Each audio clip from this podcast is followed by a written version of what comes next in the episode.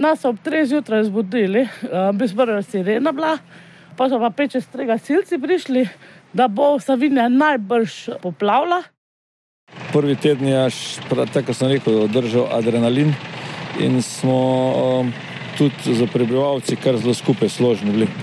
Zdaj pa počasi postaja napetost, ker se pač vidi, da se ne bo dalo verjetno vse nazaj postaviti tako, kot je bilo prej. Da več ni želja države, da bomo rekel, podiramo objekte, ampak da samo tiste, ki so res ogroženi ali pa bi eventualno bili.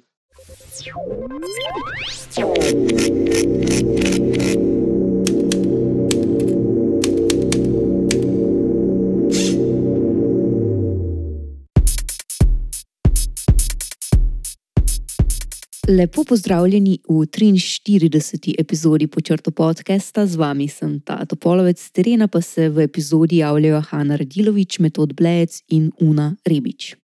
Augusta lani je Slovenijo prizadela najhujša naravna nesreča do zdaj. Poplave in plazovi so prizadeli več kot 85 odstotkov občin v državi, ogrožali življenje in povzročili skoraj 3 milijarde evrov neposredne škode. Pri počrtu smo v prvih dneh po poplavah najprej vzpostavili redno obveščanje o aktualnih potrebah po pomoči na prizadetih območjih. Dnevno smo pri humanitarnih organizacijah in intervencijskih službah preverjali, kako je z dostopnostjo do odrezanih krajev, katere materialne donacije zbirajo za prizadete poplavah in kam naj se odpravijo prostovoljci. O stanju na terenu smo tik po avgustovskih poplavah za naš člane govorili z Luko Pavličem, predsednikom prostovoljnega gasilskega društva Muzire in pa Romanom Čretnikom, podpredsednikom gasilskega društva Muzire in namestnikom poveljnika občinskega štaba civilne zaščite v Muzirju. Z njima smo govorili zvečer po celem dnevu na terenu, v ozadju so vmes pralni stroji prali blatno opremo. Govori Čretnik, posnetek celotnega pogovora pa je iz avgusta 2023. Glede na to, da imam izkušnje, ker sem tudi sam bil poplavljen uh, že leta 90, potem še dvakrat vmes in zdaj, ki je bilo daleč najbolj katastrofalno od vseh teh štirih primerov, zadeva je taka. Voda preteče in dokler je tam, sam moliš, da bo čim prej odtekla in da, da boš preživel. Potem voda odteče, malo se zadiha, pa je treba iti pa na delo. Nadaljuje Pavlič. Ja, situacija v muzejju se iz dneva v dan uh, spreminja, reko izboljšuje, k sreči. Uh, dela se iz tistih grobih del, iznosov materijala, mulja, naplavin, uh, kar se je dogajalo v prvih dneh, počasi preleva v čiščenje prostorov, tem sanacijo okolice odvoza materijala, tu govorimo o različnih kosovnih odpadkih, mulju in drugih naplavinah. Tako da ja, se izboljšuje iz dneva v dan, nas pa čaka še precej dela. Že kmalo po poplavah pa smo se odločili, da se bomo k poplavljenim območjem vrnili, ko bodo poplave izginile z naslovnic in posledično izgubile pozornost javnosti. Kot so izpostavili že sogovorniki v našem članku iz avgusta, bosta po poplavah potrebni dolgotrajna pomoč in sanacija.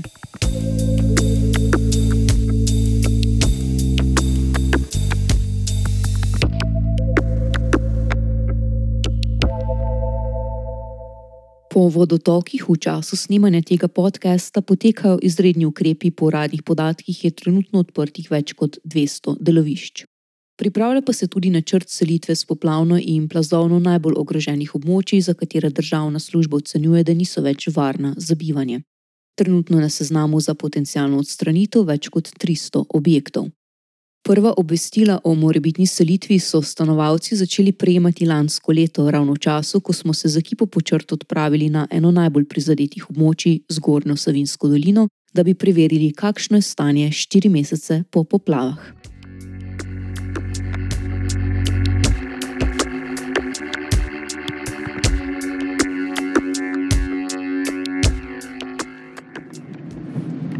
Dobro, odvozili smo se čez eh, Gorni grad, tam gledali, kako delajo cesto čez reko.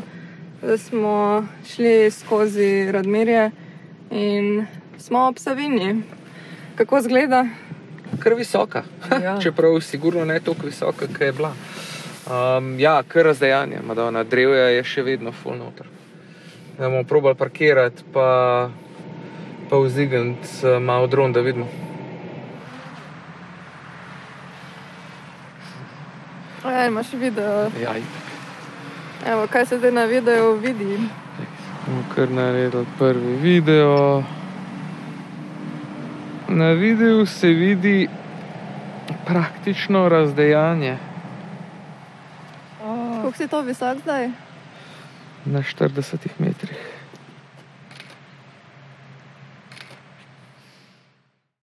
Po snemanju stanja Savinje iz zraka se je naša ekipa odpravila proti Okonini, naselju v občini Ljubno na levem bregu Savinje. Čez mostiček.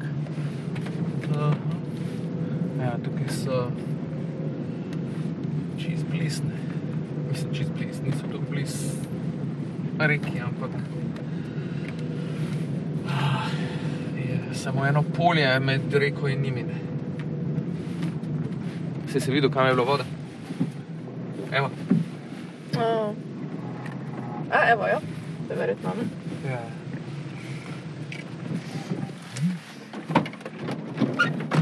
Živja.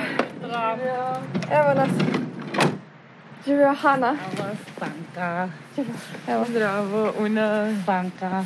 Lele imam že kar pržgan, če je v redu, bomo Ja, samo zvočno ja. snemali. Naša sogovornica je Stanka Hren. Že nekaj let z družino najima hišo tik ob Savini.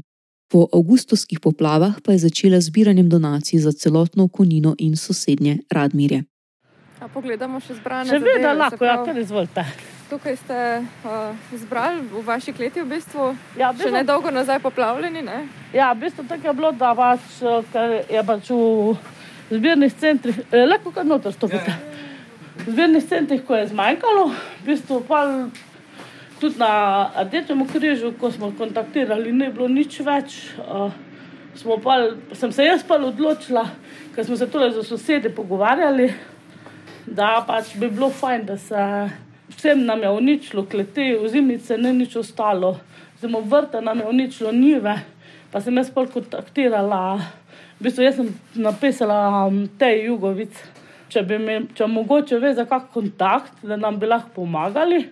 In je pa v bistvu teja na svojem profilu delila in se jih je ogromno odzvalo. V bistvu v 24 urah smo imeli napolnjeno klet. Pokaže nam zbrane gajbice in škatle z donacijami. To smo pa tudi včeraj od malega placa dobili takele paketke. Uh, to bomo jutri v bistvu vsaka hiša dobi en tale paketek, Eno gajbico. eno gajbico, repo, pa zelje, pa v bistvu uh, tam dobi v škatla bojo dobili te uh, izdelke od eh, žita. V bistvu pa tako da razdelimo, da, da dobimo čisto vsi isto. Nas je pa uh, okrog 30 družin. Da, Na okolje. Ja, v bistvu, tu, v bistvu mi samo okonino, pa radmirje uh, smo dogovorjeni, da se je poskrbelo. Po stenah kleti so še vedno vidni blatni madeži, zažrti v stene. Omet odpada. To so posledice avgustovskih poplav. Nas so ob treh zjutraj zbudili, uh, bi zbrala sirena bila, pa so pa peče strega silci prišli, da bo Savinja najbrž poplavila. Pa smo pa začeli umikati, bi smo malce štiri, smo že mi imeli to poplavo.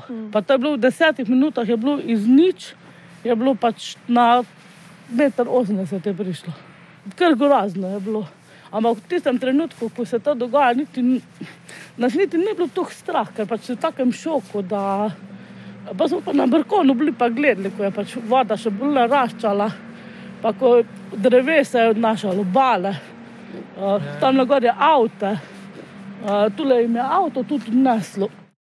Recimo, mož je imel, ker je mm, reševal, ima psa reševalnega, je imel tam na vratah pač to reševalno jakno, ko je pač recimo šel delati, da je dal gor, ampak smo jo pozabili vzeti. In smo jo pol našli v Grušovljah, eh, na travniku. ja, to je tole dol, v bistvu 500 metrov, še več. Hren in njeni družini je čez noč odneslo zimnico, drva, kokoši in purane, naneslo pa kupe mulja, rib in rakov v klet in okoli hiše.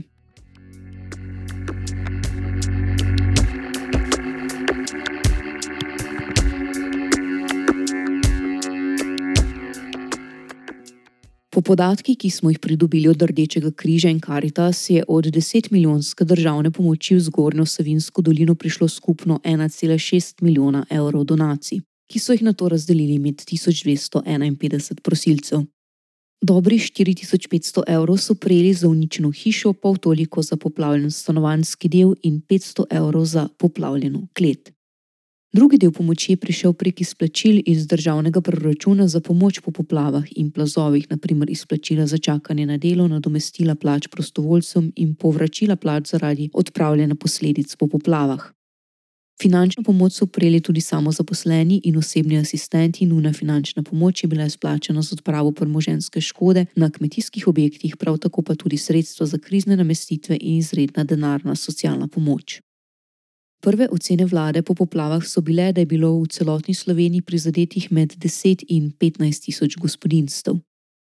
Z območnega združenja Rdečega križa, ki pokriva zgornjo Savinsko dolino, so nam decembra sporočili, da ima okoli 500 prosilcev, zaznava pa stisko med tistimi, ki so izvedeli, da so njihovi domovi na seznamu za morebitno odstranitev zaradi izgradnje izlivnih con. Humanitarno pomoč po poplavah so že prejeli, nam je povedala Hren, odločbo z uradno oceno škode pa se ob našem obisku še čakali. Vendar pomoč, ki je na voljo, ni vsem enako dostopna. V bistvu zdaj po poplavah so pa res vsi skupaj stopili, pa v bistvu si med seboj pomagamo. Pa. Tu imamo v bistvu kar nekaj starejših. Mi še, mislim, jaz osebno še, saj, mislim, še lažje, kot pri nas, ko pa gledam te starejše so pa res krfe zaskrbljeni. V bistvu. Ampak, da sem mi mlad, mislim, pač, mi lahko še to. Ljudje, ki so pa 80-90 let stari, pa v bistvu niti ne znajo računalnika uporabljati. Zato sem bolj tudi jaz tule, da, je, da smo malo, da smo tiste osnovne stvari, da smo porihtali tisto, kar so rabili.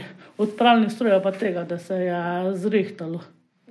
Hvala, da ste se razvili. Hvala, Hvala srečno. Ja.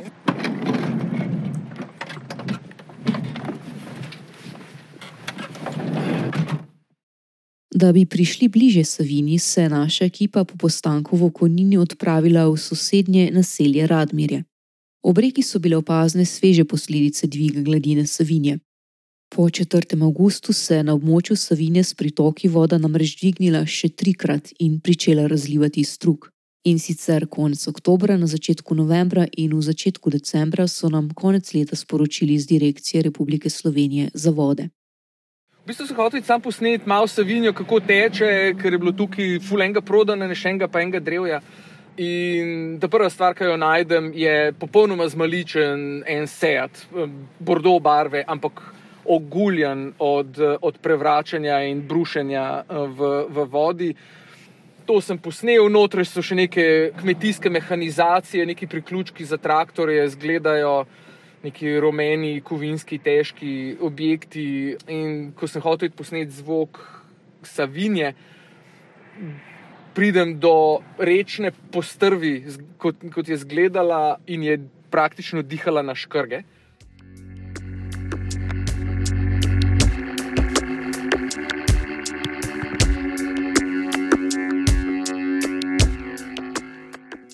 Ekipa pot nadaljuje proti sosednji občini Rečici ob Savini.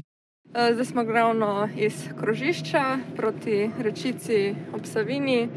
V bistvu se oddaljujemo od naselja Spodnja Rečica, kjer eh, se prebivalci trenutno soočajo z možnostjo, da se bodo morali seliti. Apeljamo pa se zdaj proti občini, kjer bomo govorili z županjo in pa poveljnikom civilne zaščite.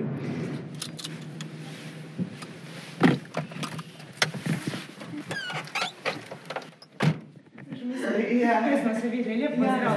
Enako. Se vidi. Ja, čau, čau. Super. Ja, evo. Ja, smo ga že malo videli.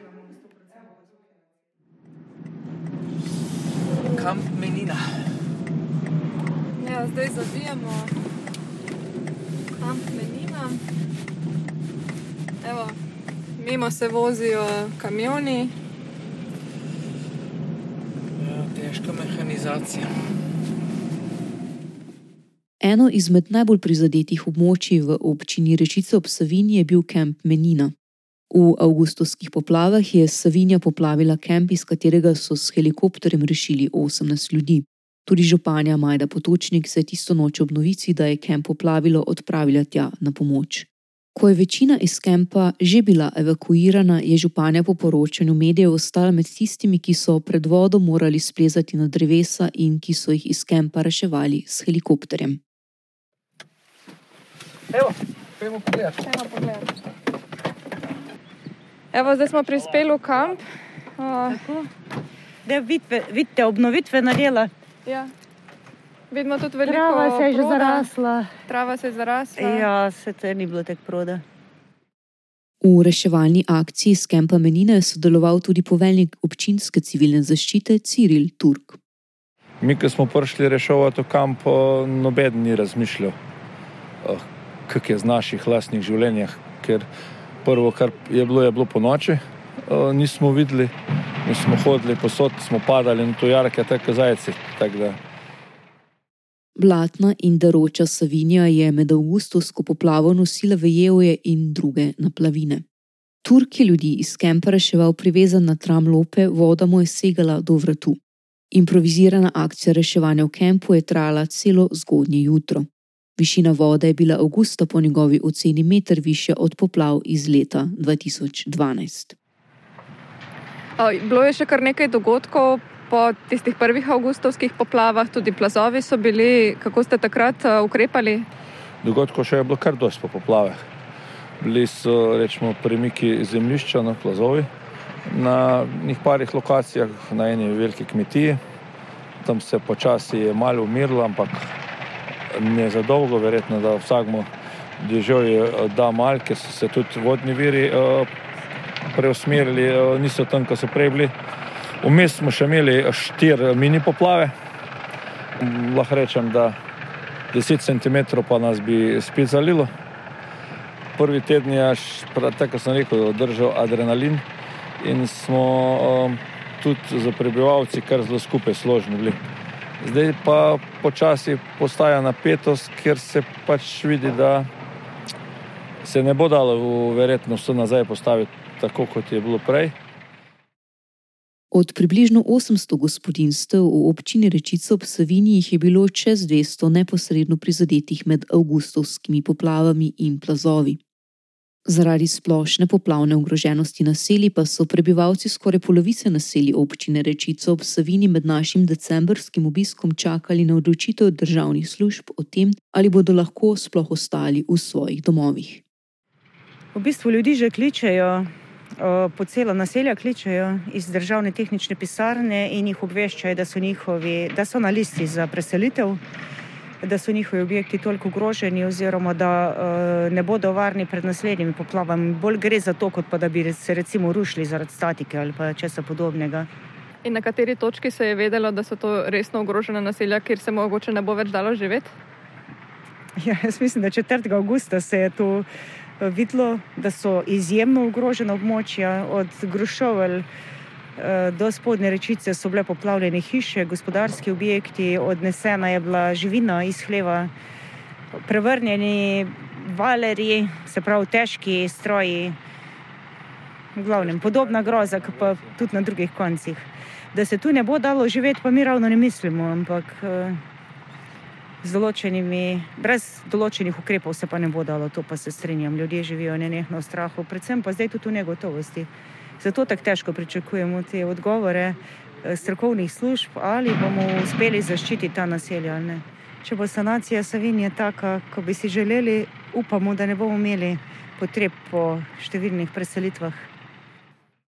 Popoplavna obnova in protipoplavni ukrepi so dobili prednost pred vsemi drugimi razvojnimi projekti.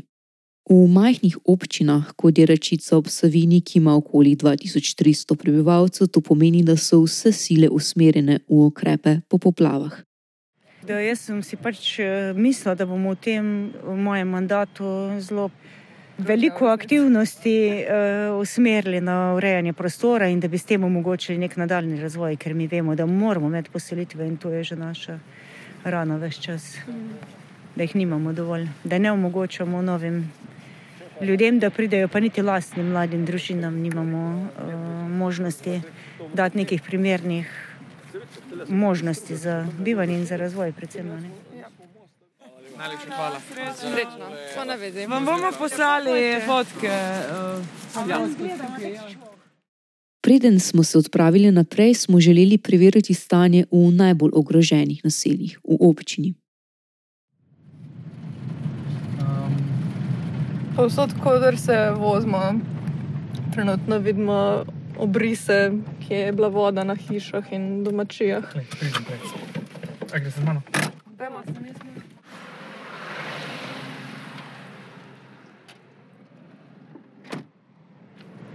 Evo metod, da se odpravljava. Tukaj smo v bistvu nekako na- ob stičišču Grušovel pa Homca, ki sta oba, oboje sta naselja z uh, velikim tveganjem, da se bodo morali seliti. Mimo nas se vozi uh, mašinerija, ki rihta strugo. Zadnja postaja naše ekipe po zgornji Savinski dolini je bila v Mozirju.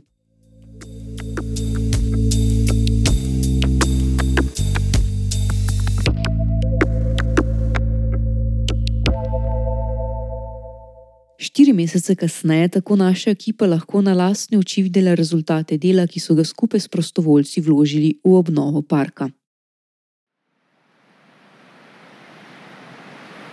Tole, kar slišite v ozadju, je Savinja, pravkar smo prispeli v Mozirski gaj. Stojimo na ravno pred kratkim od- utrganem, odtrganem nabrežju, ki so ga morali nazaj sestaviti. In si bomo ogledali, kako so uredili z ogromno prostovoljskega dela Mozirski gaj nazaj v približno prejšnje stanje. Predaj smo si ogledali, do kje voda seže, metod si rekel do, do glave tvoje vrha že. glave. Do vrha glave. Uh, letošnje poplave, do vrh glave leta eh, 90, uh, za kakšnih 40 cm niže. Zdaj, preden bomo na večer videli še razstavo lučk v tukajšnjem arboretumu, bomo še se sprehodili, da v bistvu vidimo, dokler je še dnevna svetloba, spremembe, ki so se zgodile. V bistvu vsa trava, ki jo vidimo zdaj posejana okrog sebe, je šele nedavno bila nazaj vzpostavljena, vse izgleda zeleno in kot da se je nekaj dosti zgodilo. Ne? Ampak, eh, kot so razložili, je bilo tukaj v bistvu par deset centimetrov mulja po vsej tej površini, tako da v bistvu je praktično neprepoznavno že samo od takrat. Ukazal je do cirka 30 cm mulja po ja. celi površini. Ja. Ne, zanimivo mi je, kako je rekel uh, gospod Gregor, da uh, ljudje ne verjamejo, da se je to dejansko zgodilo, ja. ker je bilo toliko pomoči, da so uredili nazaj. Na, pač ni, ni še tako, kot je bilo, ampak težko verjameš, da se je vse to zgodilo Ja. samo štiri mesece nazaj, ko si sedaj tukaj in se sprehajaš po tem delu. Ne? Ja. Če pogledaš na nabrežino, ti je že jasno. Ja. Mozirski gaj leži tik v bregu vzdolž Savinje in je bil tudi že v preteklosti poplavljen, vendar pa, kot so nam povedali sodelavci parka, tako hudo kot lani še ni bilo. Dvig vodne gladine je bil v preteklih poplavah nižji. Tukaj smo se srečali zdaj z Elico Bele iz Mozirskega gaja, vodja parka. Tukaj smo v bistvu prišli pogledat, kaj vam je uspelo narediti v teh zadnjih nekaj mesecih, da v bistvu lahko vidimo rezultat dela ur in ur prostovoljcev. Ja, res je. Tukaj, zelo, ko se sprehajamo, je začetek. Tukaj je bil tudi, eh, če bi tako rekla, največji udar vode, oziroma na dveh mestih. In tukaj, kjer je vse porušilo, eh, se pravi, Savinja je šla čez eh, breg eh, in je na eh, notranjo in zunanjo stran eh, to, ta nasip vse porušila in tudi vse ograje. In prinesla marsikaj. Tako da mi smo dejansko mogli vse, ko smo prišli po enem tednu v park, ker prej se dejansko ni dalo, ker je bilo to še veliko vode in sa ta tekoči mul. In tudi smo začeli najprej objekte rešvati. No, in potem, ko smo pa začeli, se pravi, parkovni del, to je bilo skoraj, bi rekla, po enem mesecu. Eh, smo mogli pa najprej vse to odstraniti in to samo s težki mehanizaciji, ker dejansko na roke skoraj nisi mogel ničane. Eh, da smo to drvo, hlodovino, eh, plastiko, vse, kar je Savinja prinesla, da smo to najprej očistili. Do našega prihoda je bila velika večina parka videti, kot da se poplave ne bi zgodile. Ker je bil prenaložen mulj, je zrasla trava, obiskovalce pa so privabili z razstavo prazničnih luči, vendar pa se tudi v Mozirju bojijo ponovitve avgustovskih prizorov. Ja, za lučke je tudi tako bilo, da mi dejansko eh, še v septembru nismo vedeli, ali bomo lahko delali ali ne. Vsake vode, zdaj ko začne padati, pa ko savinja narašča, te strah.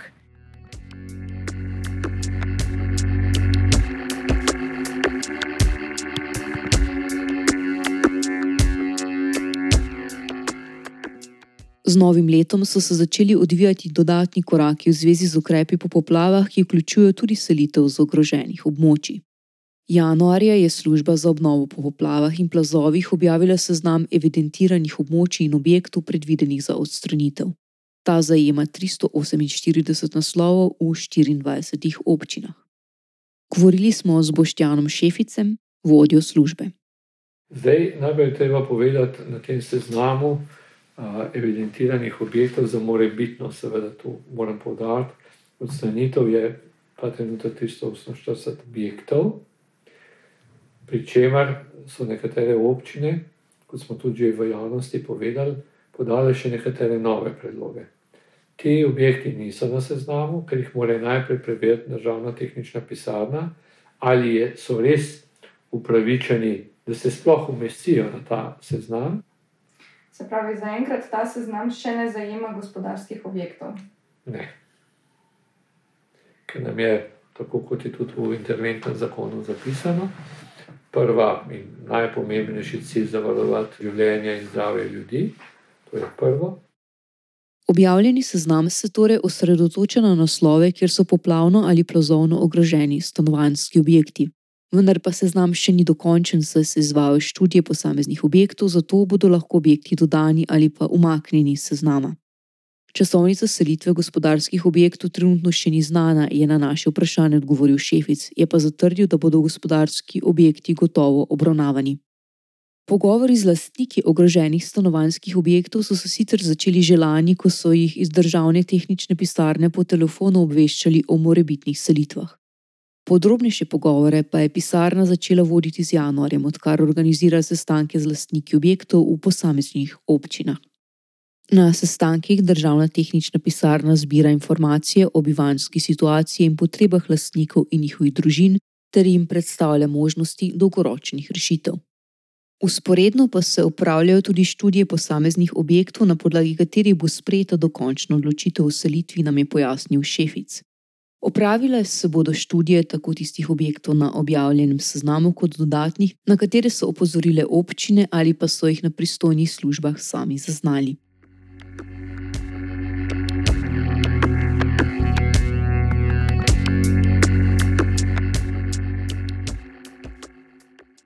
Trenutno imajo po besedah šefica prednost lastniki, katerih objekti so bili porušeni ali pa so izgubili celo zemljišče, se na takih lokacijah ne morejo več graditi.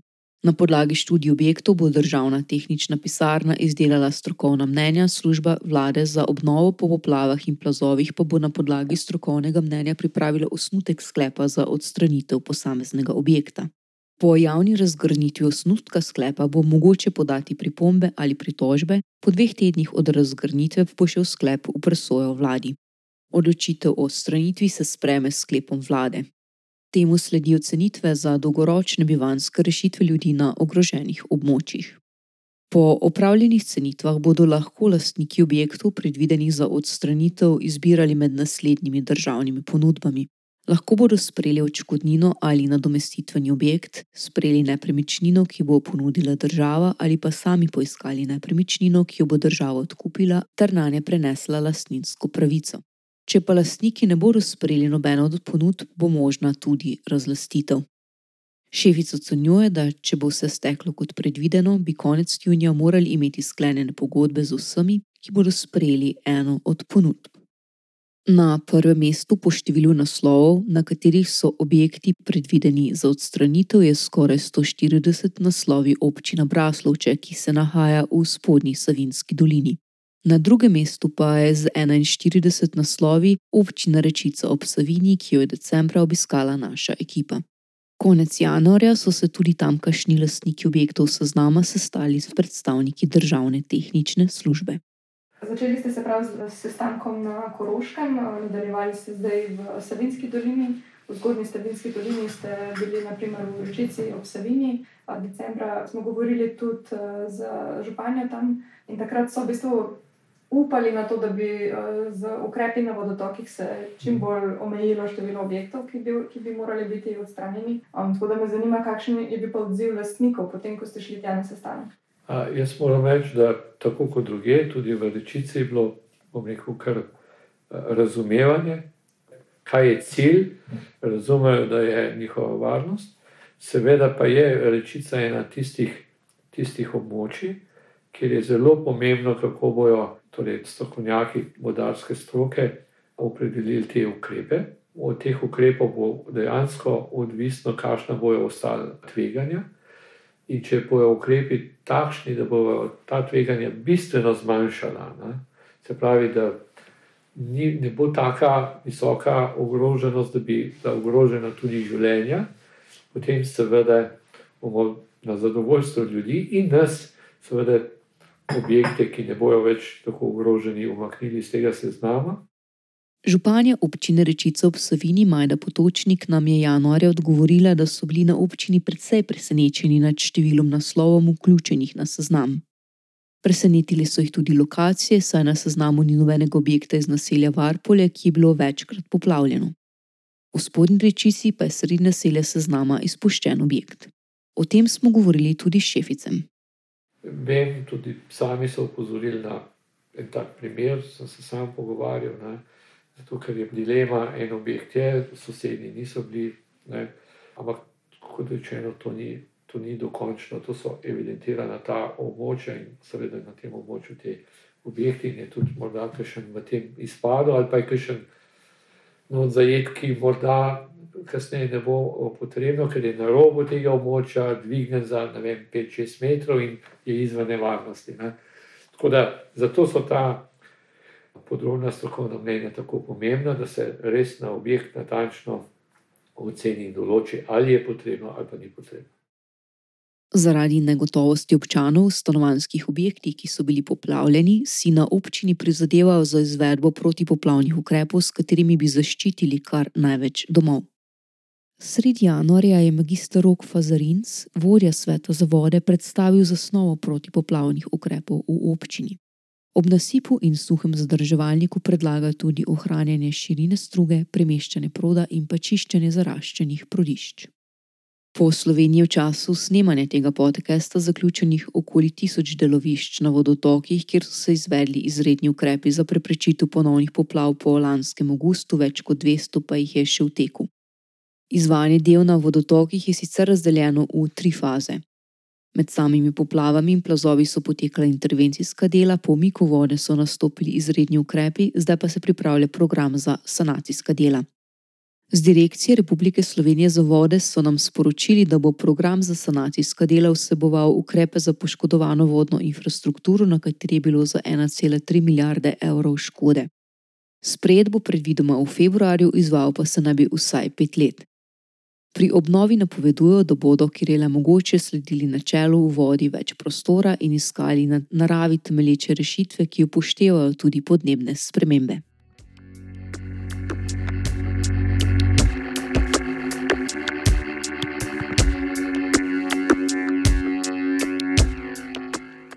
Za območja, kot je občina Rečica ob Savini, pa bo prihodnost poselitve odvisna od protipoplavnih ukrepov in določitve območij, kjer so ti še smiselni, ki pa je bolj smiselna selitev.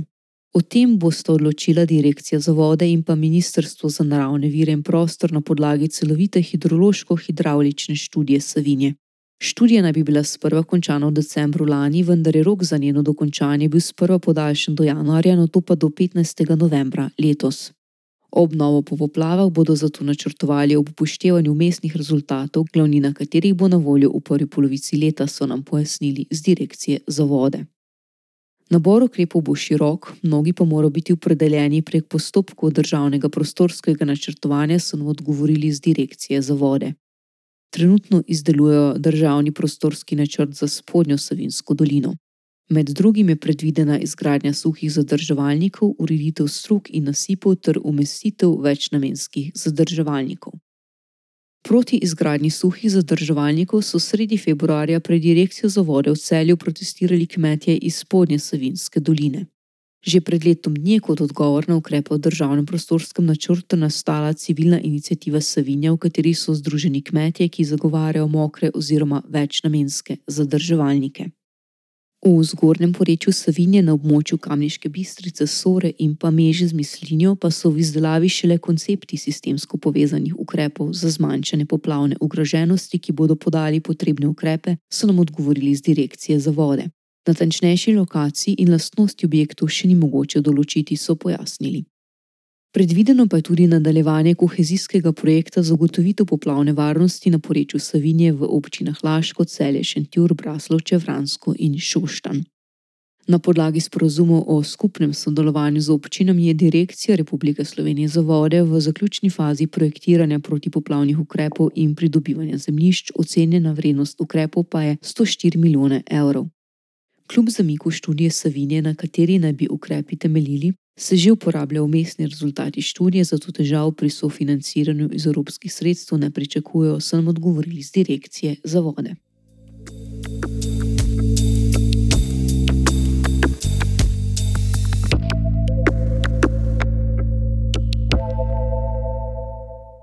Trenutni obseg poplavno ogroženega območja ob Savinji je zaradi enormnosti avgustovskih poplav in omejenosti izdelanih poplavnih kart težko oceniti, so nam sporočili z Inštituta za vode Republike Slovenije. Ta za Ministrstvo za naravne vire in prostor ter Direkcijo za vode izvaja naloge na področju analiz poplavne ogroženosti. Pojasnili so, da je obseg odvisen od povratne dobe visokih voda, se pravi obdobja, v katerem lahko pričakujemo ponovne poplave. Citiram: Če združimo vse do sedaj izdelane poplavne karte, pridemo do števila približno 57 tisoč ljudi in 110 kvadratnih kilometrov ogrožene površine. Konec citata so nam odgovorili glede trenutnih ocen poplavne ogroženosti porečja Savinje. Povratna doba poplav se je zaradi podnebnih sprememb do danes zmanjšala, ponekod tudi 100 na 10 let, je za naš članek o poplavah iz decembra lani povedal dr. Mitja Brili, zaslužni profesor na fakulteti za gradbeništvo in geodezijo Univerze v Ljubljani. Poplave so posledično bolj pogoste. Včasih so bile škode samo zaradi poplav, potem so se pridružile škode zaradi suš, potem so se pridružile škode zaradi vem, toče, neuri. Ne? Tako da vedno več je tega, pa škode so še večje. Ne? In to je čisto v skladu tudi z drugimi državami, ne tle Slovenija ni neka posebna izjema. O naraščanju ogroženosti in škode zaradi naravnih nesreč v Sloveniji smo govorili s klimatologinjo dr. Lučko Kajfeš Bogataj. Absolutno nimamo ene dobre novice, če tako rečemo, ker gledajte, lansko je bilo najtoplejše, zdaj letošnje bo vredno še toplejše. Ne, to se pravi, čim imamo to segrevanje, imamo več vlage v zraku, če je več vlage v zraku, je oblaki sežejo više, dajo več dežja, če je več dežja, imamo bolj obilne padavine in hudornike in poplave in tako naprej. Ne. Tako da tle ležal je treba to realno sprejeti in nekako čim bolj preventivno delovati. Seveda, težko je biti pameten, kaj narediti, ampak izkušnje kažejo, da voda si vzame prostor ne, in da nima smisla pretirano vodo regulirati. Ne. Vodi se je treba umakniti in to je najcenejši, najbolj varen, najbolj dolgoročno, ne, je pa seveda najbolj nepopularno. Ne. Seznam, ki je bil objavljen, trenutno obsega slabih 350 eh, objektov oziroma naslovov. Zdaj, a se vam to zdi veliko ali malo, glede na obseg poplavne ogroženosti v Sloveniji? Meni se zdi to relativno malo. Ne. Skratka, tukaj je pač izredno krivično, da se bo to zgodilo ljudem in tukaj bi morali ti ljudje dejansko neko odškodnino oziroma neko kompenzacijo dobiti za vse tiste napačne odločitve, ne, ki so bile tudi sprejete, mogoče, ker končen koncev, ko človek dobi gradbeno dovoljenje, odgovornost za to prevzame nekdo drug. In bi jo mogel mogoče tudi v tem primeru, zdaj, ko je škoda nastala. Ne. Tako da tukaj absolutno rabimo imeti, tako kot rabimo neko regulacijo, ne vem, rek, z nekim zidom, rabimo imeti pravne, ekonomske, zavarovalničke elemente, ne, neko politiko, kako bomo to reševali. Če ne se bomo samo prepirali, pa vsakeč znova bodo ljudje ustanavljali neke civilne inicijative, pa bodo rekli, mi se nočemo preseliti. Problem je tukaj in če ga ne bomo sistemsko reševali, bomo samo vedno globje tunili, ne, ne na zadnje tudi v teh človeških odnosih, ne, ki jih imamo že tak načetek.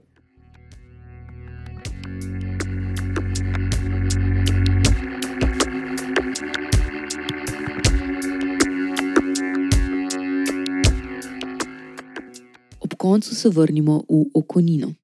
Stanka Hren nam je po objavi seznama januarja potrdila, da se njihov dom kljub njihovim pričakovanjem zaenkrat ni znašel med objekti za odstranitev. Čeprav se še nihče od sosedov ni odselil, je Hren povedala, da o tem razmišlja, vključno z njo in njeno družino. A čeprav je prebivalce strah obstaja upanje, povedala Hren, saj se je po našem obisku začelo intenzivneje urejati vodotoke v Okonini in okolici. Samo organizirano zbiralno akcijo so, kot je pojasnila Hren, po zadnjem razdaljevanju januarja za zdaj končali, večja pa se potreba po psihosocialni pomoči. Povedala nam je, da imajo nekateri starejši kar temačne misli in povdarila, kako dober je bil odziv prebivalcev preteklih obiskih prostovoljcev za psihosocialno pomoč. Če bodo ostali v konini, jih čaka še veliko dela z obnovo po poplavah, za kar bodo potrebovali finančno pomoč. Omet se zdaj posušil in začel odpadati, prava obnova pa se bo lahko začela spomladi.